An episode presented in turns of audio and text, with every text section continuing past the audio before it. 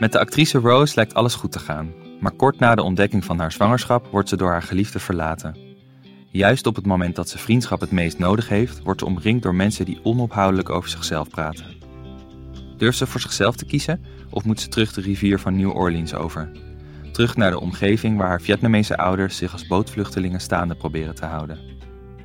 Definitie van liefde van schrijver en actrice Nguyen Dam is een verhaal over relaties, vriendschap, afkomst, kunst en het zelfbeschikkingsrecht van de vrouw en ligt nu in de boekhandel.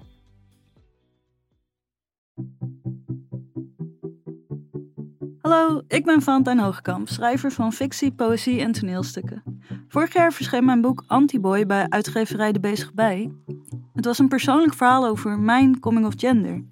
In Antiboy schreef ik over me non-binair voelen en daar eigenlijk niet goed over kunnen of durven praten met mijn familie, vrienden, artsen en mijn geliefden. Want jezelf laten zien, ja, hoe doe je dat?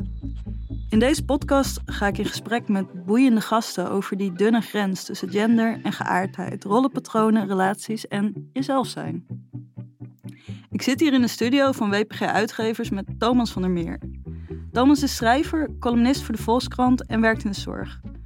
Eind 2019 verscheen zijn debuutroman Welkom bij de Club, een opgewekt boek over een ernstig thema, waarin Thomas zijn eigen ervaring gebruikt om een eerlijk beeld te geven van hoe het is om transgender te zijn.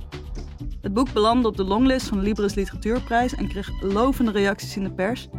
En Thomas werkt inmiddels aan een nieuwe roman die Hier de Hemel zal heten. Hallo Thomas. Hallo.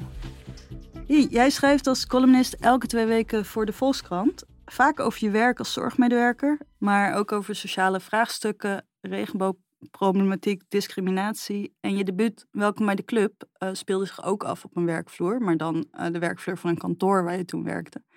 Thomas, waarom schrijf je zo vaak over de werkvloer? nou, ik denk dat op het moment dat ik in transitie uh, was, waar dus mijn roman over gaat, mm -hmm. was die werkvloer ja, een soort van de samenleving in het klein. Dus dat was mijn hele wereld op dat moment. Ik zat best wel in een sociaal isolement en hoe die werkvloer op mij reageerde, uh, op mijn transitie eigenlijk.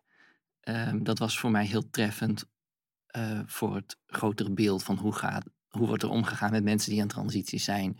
En hoe is dat als je daar zelf mee bezig bent en het is zoiets persoonlijks en mensen die daar eigenlijk helemaal niks mee te maken hebben, die zien dat wel allemaal en dan moet je iets mee. En um, daar gaat het boek over. En nu in de zorg, uh, ik werk in de langdurige zorg. Dus ik heb in de psychiatrie gewerkt, langdurige psychiatrie en uh, uh, nu weer in de ouderenzorg.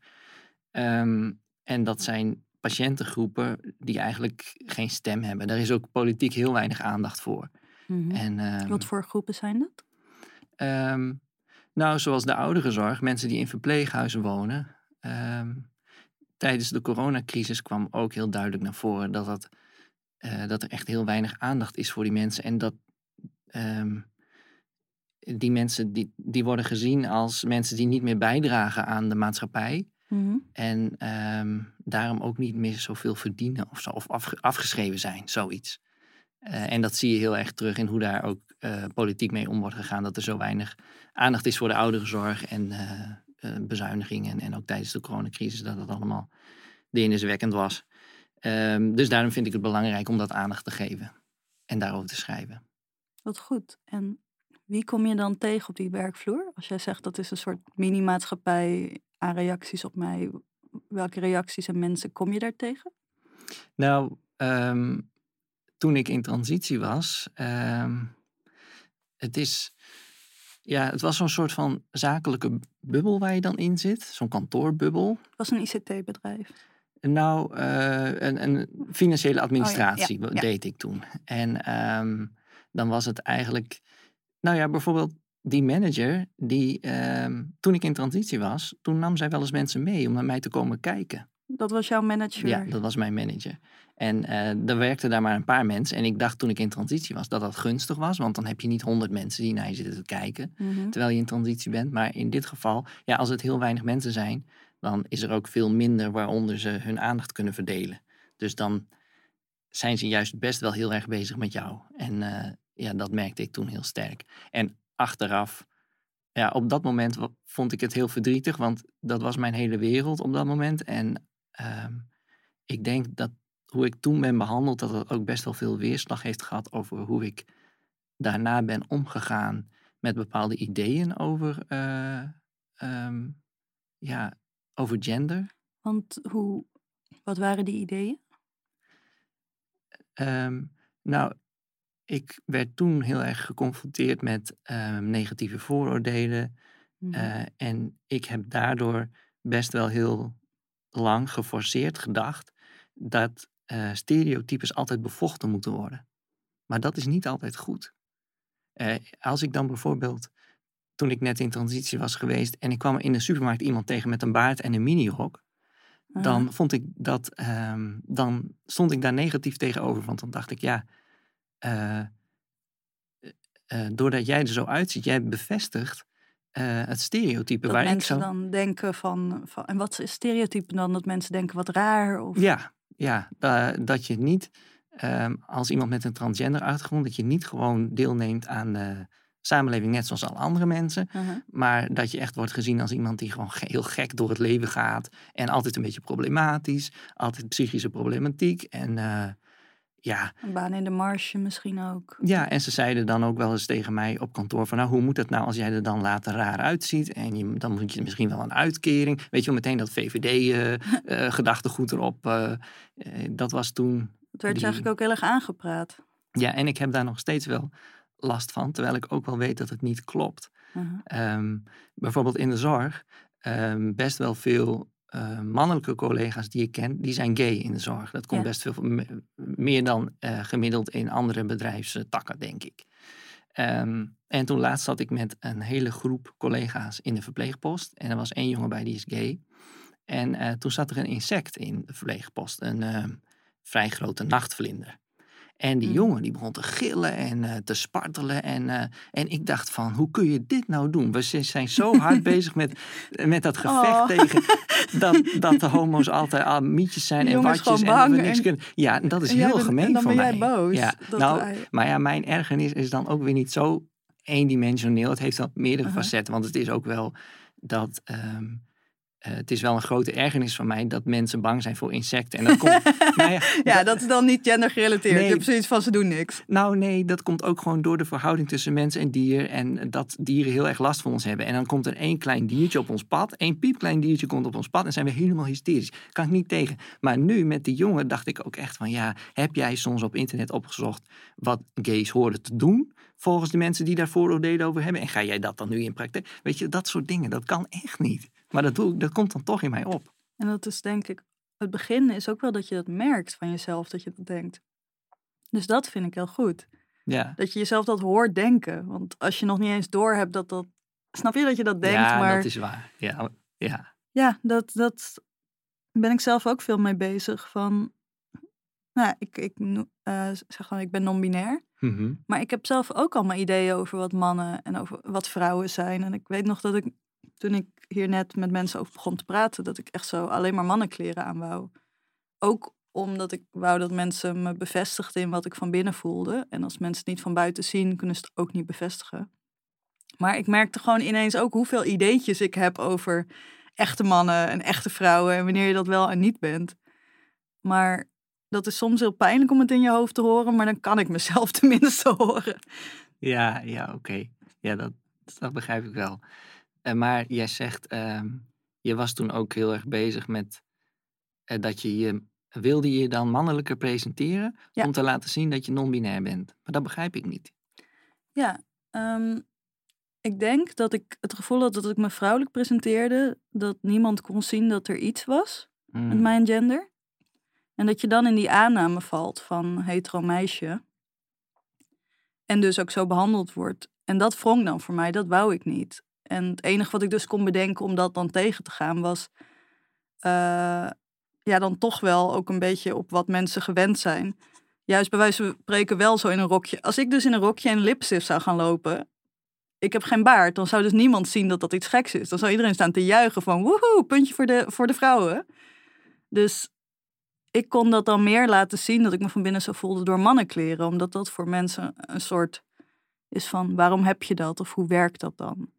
En dat was voor mij ook een eerste stap voordat er lichamelijke veranderingen gingen optreden, want dat vond ik spannend. En ik wil ook graag iets vragen over eh, iets wat, wat, wat mensen vaak over jou zeggen. Opgewekt. We hebben het namelijk over labels in deze podcast. Mensen zeggen steeds opgewekt, zo grappig. Uh, hoe je schrijft, ook hoe, hoe je dingen praat. Wat vind je van opgewekt? Past dat bij je? Uh, opgewekt, ja. ja Sta jij licht in het leven? Nou, licht in het leven wil ik nou ook weer niet zeggen. Het is wel zo dat ik, wanneer er iets van um, iets tragisch op mijn pad komt, of ik herken iets als iets in. Nou ja, ik vind veel dingen die ik grappig vind, die zijn eigenlijk ook heel tragisch. Dus zo opgewekt vind ik het nou ook weer niet. ik hoorde ook van veel mensen die zeggen: Wat fijn dat je boek zo goed afloopt. Bij Over Welkom bij de Club. Maar ik vond eigenlijk zelf dat het helemaal niet zo goed afliep. Want aan het eind van het verhaal. Die jongen... Voor de mensen die het uh, nog willen lezen, die moeten nu even vijf minuten niet luisteren. Maar ja, oké, we gaan verder met deze spoiler. Nee, een boek is niet goed genoeg als, uh, je, als je de plot weggeeft en mensen die vinden het dan geen goed boek meer, dan is het boek niet goed genoeg. Dus ook als je spoilers krijgt, moet je het boek nog steeds goed... Ja, zo werkt dat. Dus je moet alles kunnen weggeven en dan nog steeds moet het goed zijn om te lezen. Dus dat kunnen we dan proberen. Maar in elk geval, tegen het eind aan van het verhaal, uh, denkt die jongen, ja... Uh, op een bepaald moment is hij, uh, niet, zien mensen niet meer aan hem dat hij een transgender achtergrond heeft. Mhm. Maar dan zijn er dus mensen die praten over uh, transgender mensen, zonder dat ze in de gaten hebben dat hij die achtergrond heeft. Uh, dus dan hoort hij hoe mensen daarover denken. Mhm. En dan denkt hij, ja, zo gaat mijn leven dus voor altijd, dit zal altijd zo blijven. En dat vind ik dan niet echt een heel opgewekt einde of zo. Nee. Het is niet.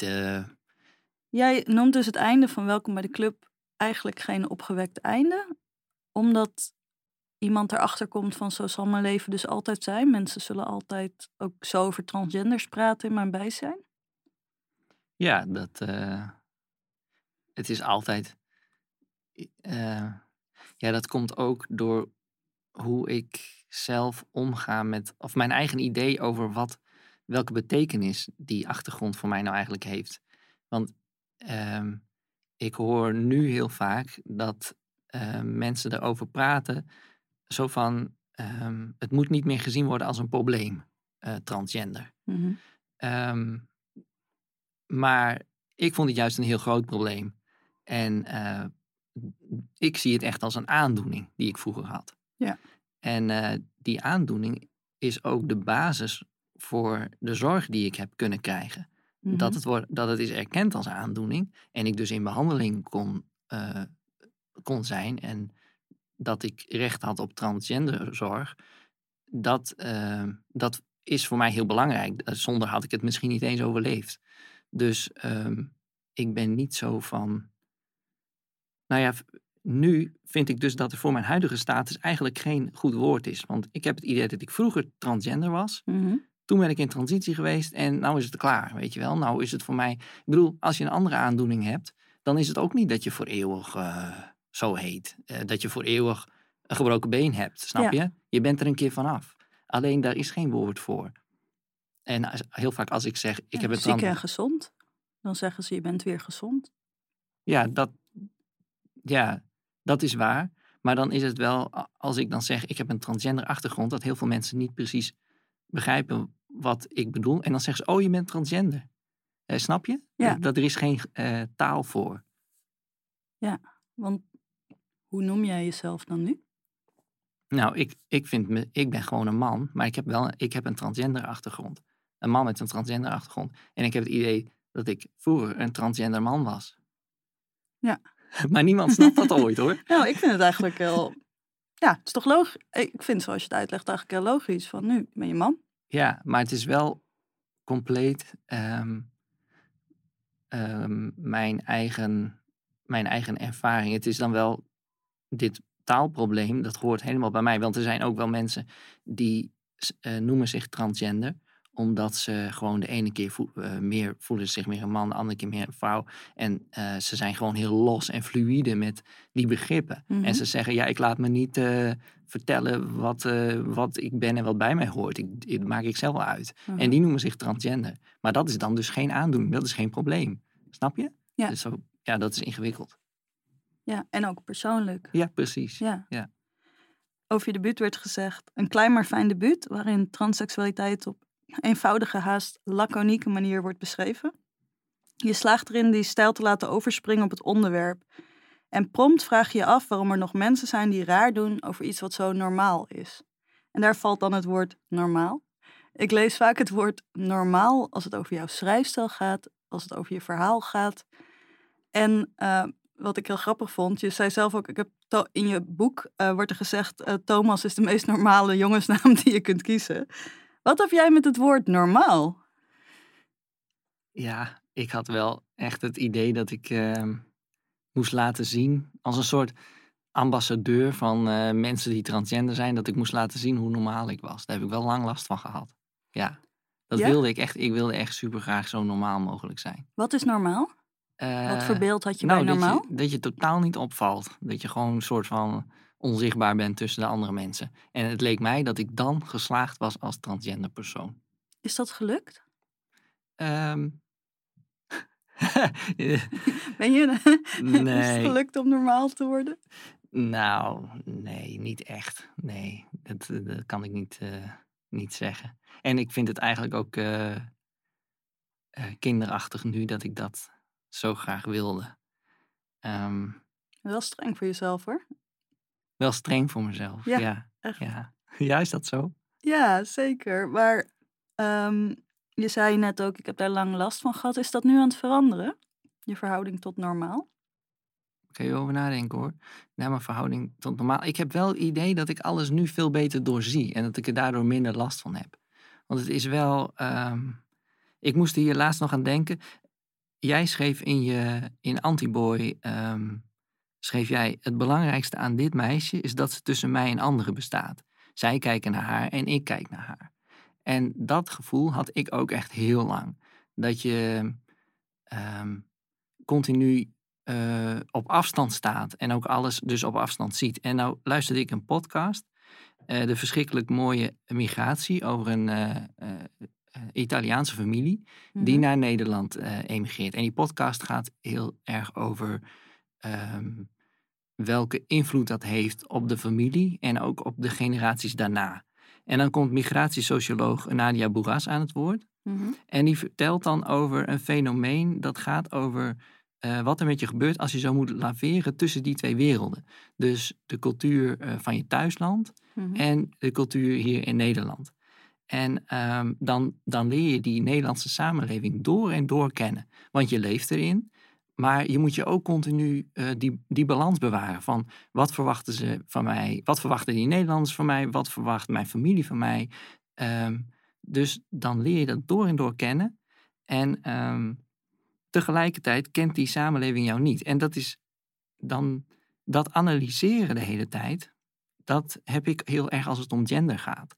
Wat zijn hier de regels? Hoe gaan we daarmee om? Ja, en ik heb dus het idee dat ik veel meer doorzie wanneer iets um, eigenlijk geforceerd is, omdat mensen dan dus um, denken dat er, dat er iets is wat ze moeten doen omdat het past bij hun rol.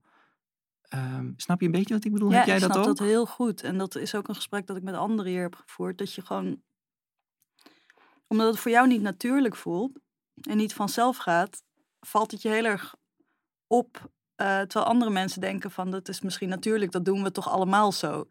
En juist doordat je dat, ik dat dan voor mijn gevoel ook kan doorbreken of het anders kan doen, kan ik laten zien van nou, zo aangeboren is nou ook weer niet. Want snap je, ik kan iets anders doen. Hmm. In die zin laten trans mensen mogelijkheden zien of andere manieren om met gender om te gaan. Ja. En volgens mij hebben we ook allemaal een ontzettende focus op wat zijn de aangeboden mogelijkheden tot nu toe en hoe zijn wij daar anders in. Ja. Ja. Maar ik heb dan niet per se het idee dat het mij niet natuurlijk afgaat. Maar dat ik telkens word geconfronteerd met andere verwachtingen en dat het daardoor komt. Dus eerst als heteroseksuele vrouw mhm. eh, heb je te maken met wat mensen van je verwachten en wat ze zeggen dat wel en niet goed is. En dan uh, als iemand die in transitie is en dan als uh, man en als homoseksuele man. En doordat je dus telkens dezelfde bent, maar je krijgt telkens te maken met andere verwachtingen, mhm. merk je dat er iets neps aan is, snap je? Ja, want jij verandert eigenlijk niet maar wat mensen van je verwachten, wat ze je toestaan, ja. wat ze je vragen. Ehm, Jij noemt jezelf ook wel vaak iemand die vroeger geen ambitie had. Is dat ook veranderd nu je dus, uh, ja, uh, als man worden er andere dingen van je verwacht op het gebied van ambitie? Ja, dat wel. Vroeger had ik uh, sowieso geen ambitie, omdat ik uh, toen ik nog niet in transitie was geweest, zag ik de toekomst gewoon. Ja, ik vond het gewoon heel moeilijk om een toekomst voor mezelf te projecteren. Ik zag mezelf niet voor me. Uh, dan weet ik, ik wist daardoor ook niet goed wat ik dan zou moeten worden. Ik zag mezelf niet echt voor me in een beroep, maar ook niet in een familiesetting. Van zou ik ooit een gezin en hoe ziet dat? Uh, ik kon geen vader worden, want ik was geen man, maar ik kon ook geen moeder worden, want ik was geen vrouw. Um, dat, dat was heel ingewikkeld. Mm -hmm. En um, dat veranderde wel toen ik eenmaal, toen alles meer voor mij op, op zijn plek viel, toen ik in transitie was geweest. En toen kwam ik in de situatie dat ik dus merkte dat uh, mensen van mij nu heel veel meer ambitie verwachten dan vroeger. En ook in vergelijking tot uh, mijn vrouwelijke collega's. Dat mensen tegen mij zeggen van, oh je wil vast, uh, in de zorg zeggen mm -hmm. de, de patiënten tegen mij, oh je wil vast doorleren als arts. Maar dat zeggen ze tegen mijn vrouwelijke collega's niet. Ja, dat is wat je net noemt. Dat je die gevoeligheid hebt voor van wanneer er een verschil Ja. wordt gemaakt op basis van gender. Ja, ja. hey, ik wil jou graag een eh, nieuw label opplakken. En daar heb je dus een rubriekje voor. Ik ga het special effect weer doen. Nieuwe labels, labels, labels, labels. Thomas, ben jij een himbo? Een himbo? Weet je wat dat is? Nee. Wat denk je dat het is? Ja, ik kan me er vaaglijk iets bij voorstellen, maar leg jij het maar uit. Wat, eh, wat is je idee erbij? Dat is een eh, scheldwoord of een geuzennaam voor een aantrekkelijk, maar iets minder intelligente man die wel heel beleefd en gevoelig is. En dat wordt nu door allemaal jongens op TikTok ook geclaimd als koosnaam van ja, yeah, himbo. En dan doen ze dansjes. Ben jij een himbo? Uh, nou ja, goed. Ja, dat, dat zou best kunnen. Ja, dansjes op TikTok zie je me dan niet zo snel zien doen. Kun je maar... dansen? Nou, nee, niet, uh, niet echt. Hou je nee. van dansen? Ja, ja. Dat, uh, als ik wat gedronken heb, dan gaat het wel wat soepeler. Laten we het zo zeggen. Ja. Ja. Wat leuk. Nee, maar ik, vind de, ik accepteer de, de, naam. Ik vind het prima. Ja, je, pakt hem als geuzennaam. Ja, Je zei het net al, uh, transseksualiteit is voor jou ook iets wat je achter je laat. Um, en ik weet dat je hier ook over hebt gezegd dat veel mensen je pas als transgender begonnen te zien na je behandeling. Terwijl jij jezelf juist tijdens je behandeling zag als transgender. En daarna dus er eigenlijk uh, ja, jezelf niet meer zo zag, toch? Ja. En na je transitie ben je dus ook verhuisd, zodat je niet meer dus als transman zou worden gezien door bijvoorbeeld je oude collega's. En toen ben je opnieuw begonnen in een nieuwe stad. En toen heb je er een boek over geschreven, waardoor juist mensen het weer ook heel erg in het nu tegen jou erover beginnen. Kun je daar iets over vertellen? Ja, dat maakt het wel. Um... Nou, dat heeft twee kanten. Aan de ene kant is het dan ook weer lastig, omdat ik dus weet dat uh, ja, als mensen mij googelen, dan komt Mhm. dat allemaal omhoog. En ik heb ook gewoon een baan in de zorg, dus dan werk ik op zo'n afdeling. En dan op een gegeven moment is er iemand die heeft mij gegoogeld. En dan, uh, dan weet ik het. Van, nee, ik merk het ook zonder dat ze het zeggen. Waar merk je dat het opeens, ja, um, dat opeens mensen zo naar mij kijken en van die gesprekken die stilvallen of bepaalde opmerkingen over het onderwerp en dat dan uh, de andere helft van de groep is opeens stil, dat ik dan weet van, oh, ze weten dat, uh, ze willen nu rekening met me houden, ze weten dat, snap je, dat, dat, ja, ik voel dat gewoon. En ja. ik heb het ook altijd juist, dat het dan opeens, op een gegeven moment begint er iemand er dan over. Um, dus dat kan gebeuren, maar het is ook wel zo dat inmiddels, ja, mijn transitie is tien jaar geleden. Tien jaar geleden, mm -hmm. toevallig in januari was het precies tien jaar geleden. En uh, ik ben daar ook wel e-, overheen gegroeid dat ik dat een probleem vind. Nu is het gewoon, eerst dacht ik, was ik daar best wel veel mee bezig van, ja, moet ik dat nou zeggen of niet? Maar nu zeg ik het ook wel eens gewoon terloops als, het, uh, als ik dat nodig vind. Ja. In een gesprek erover over het onderwerp of zo. Dan ga ik niet denken van, oh, ga ik dit nou vertellen of niet? Ik zit er eigenlijk niet zoveel meer mee. Nee. Ik vind de manier waarop je erover praat ook altijd best wel fris. Dat je van die mooie fases maakt. Van heteroseksueel, trans, uh, transgender en nu man. Ja, ik Ja. vind dat dus heel helder om op die manier over te praten. hey, we zitten hier nu samen. En ik vond het net ook heel leuk dat je aan mij vroeg van hoe is dat dan voor jou qua kleding? Zijn er nog andere dingen uh, die je wil vragen of waar we het nog over kunnen hebben? Nou, ik was nog wel benieuwd uh, hoe jij dat doet als jij wordt gevraagd voor dit soort dingen. Want, uh, ik... Met dit soort bedoel je ook deze podcast? Nou ja, want jij introduceerde dit van, nou het gaat over gender. En uh, dat gebeurt mij natuurlijk best wel vaak. En jou mhm. ook, dat weet ik zeker. Ja. Dat je voor dingen wordt gevraagd. En ik zeg eigenlijk best wel vaak nee. Omdat ik dan denk dat ik als een expert ergens moet aanschrijven. Maar heel veel dingen weet ik helemaal niet. Dan... Um, uh, ik heb ook gewoon het idee dat er zoveel is. Ik kan onmogelijk op de hoogte zijn van al die ontwikkelingen.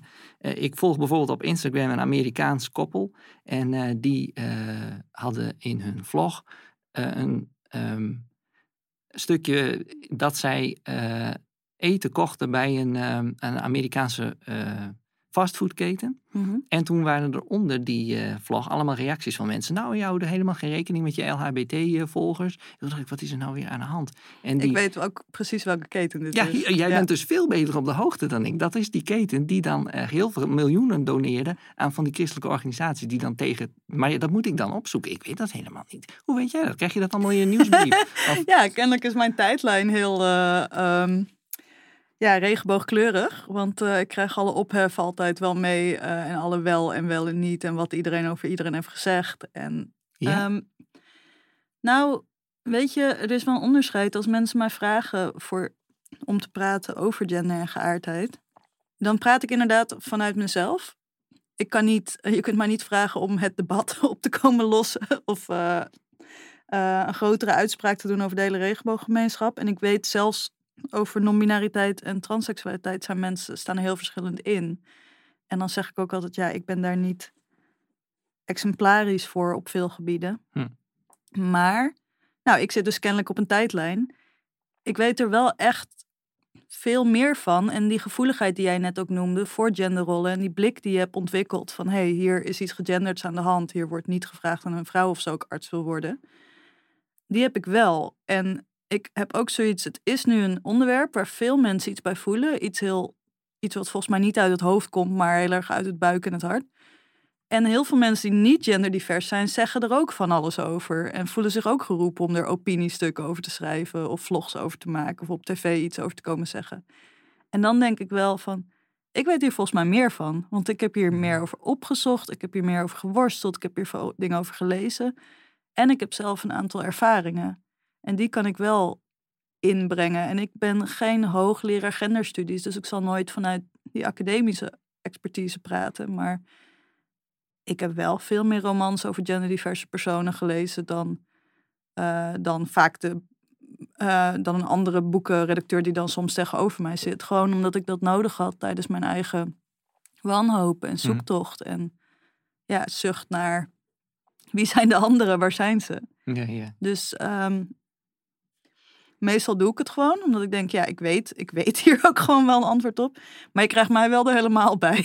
je krijgt ook mijn fascinatie voor anime en dat ik eigenlijk sowieso heel veel van snackfood weet. Ik kan hele spreekwoorden geven over de McDonald's. Oh. En uh, je krijgt er soms ook mijn woede bij of mijn eenzaamheid, die echt niet alleen maar komt doordat ik uh, niet heteroseksueel ben, maar deels ook weer wel, omdat het daten vermoeilijk. Je krijgt gewoon dan uh, je krijgt gewoon alles. Dan als ik voor iets over gender word gevraagd, dan ga ik ook over fantasy en horror schrijven, omdat me dat me ook interesseert. Ja. Ja.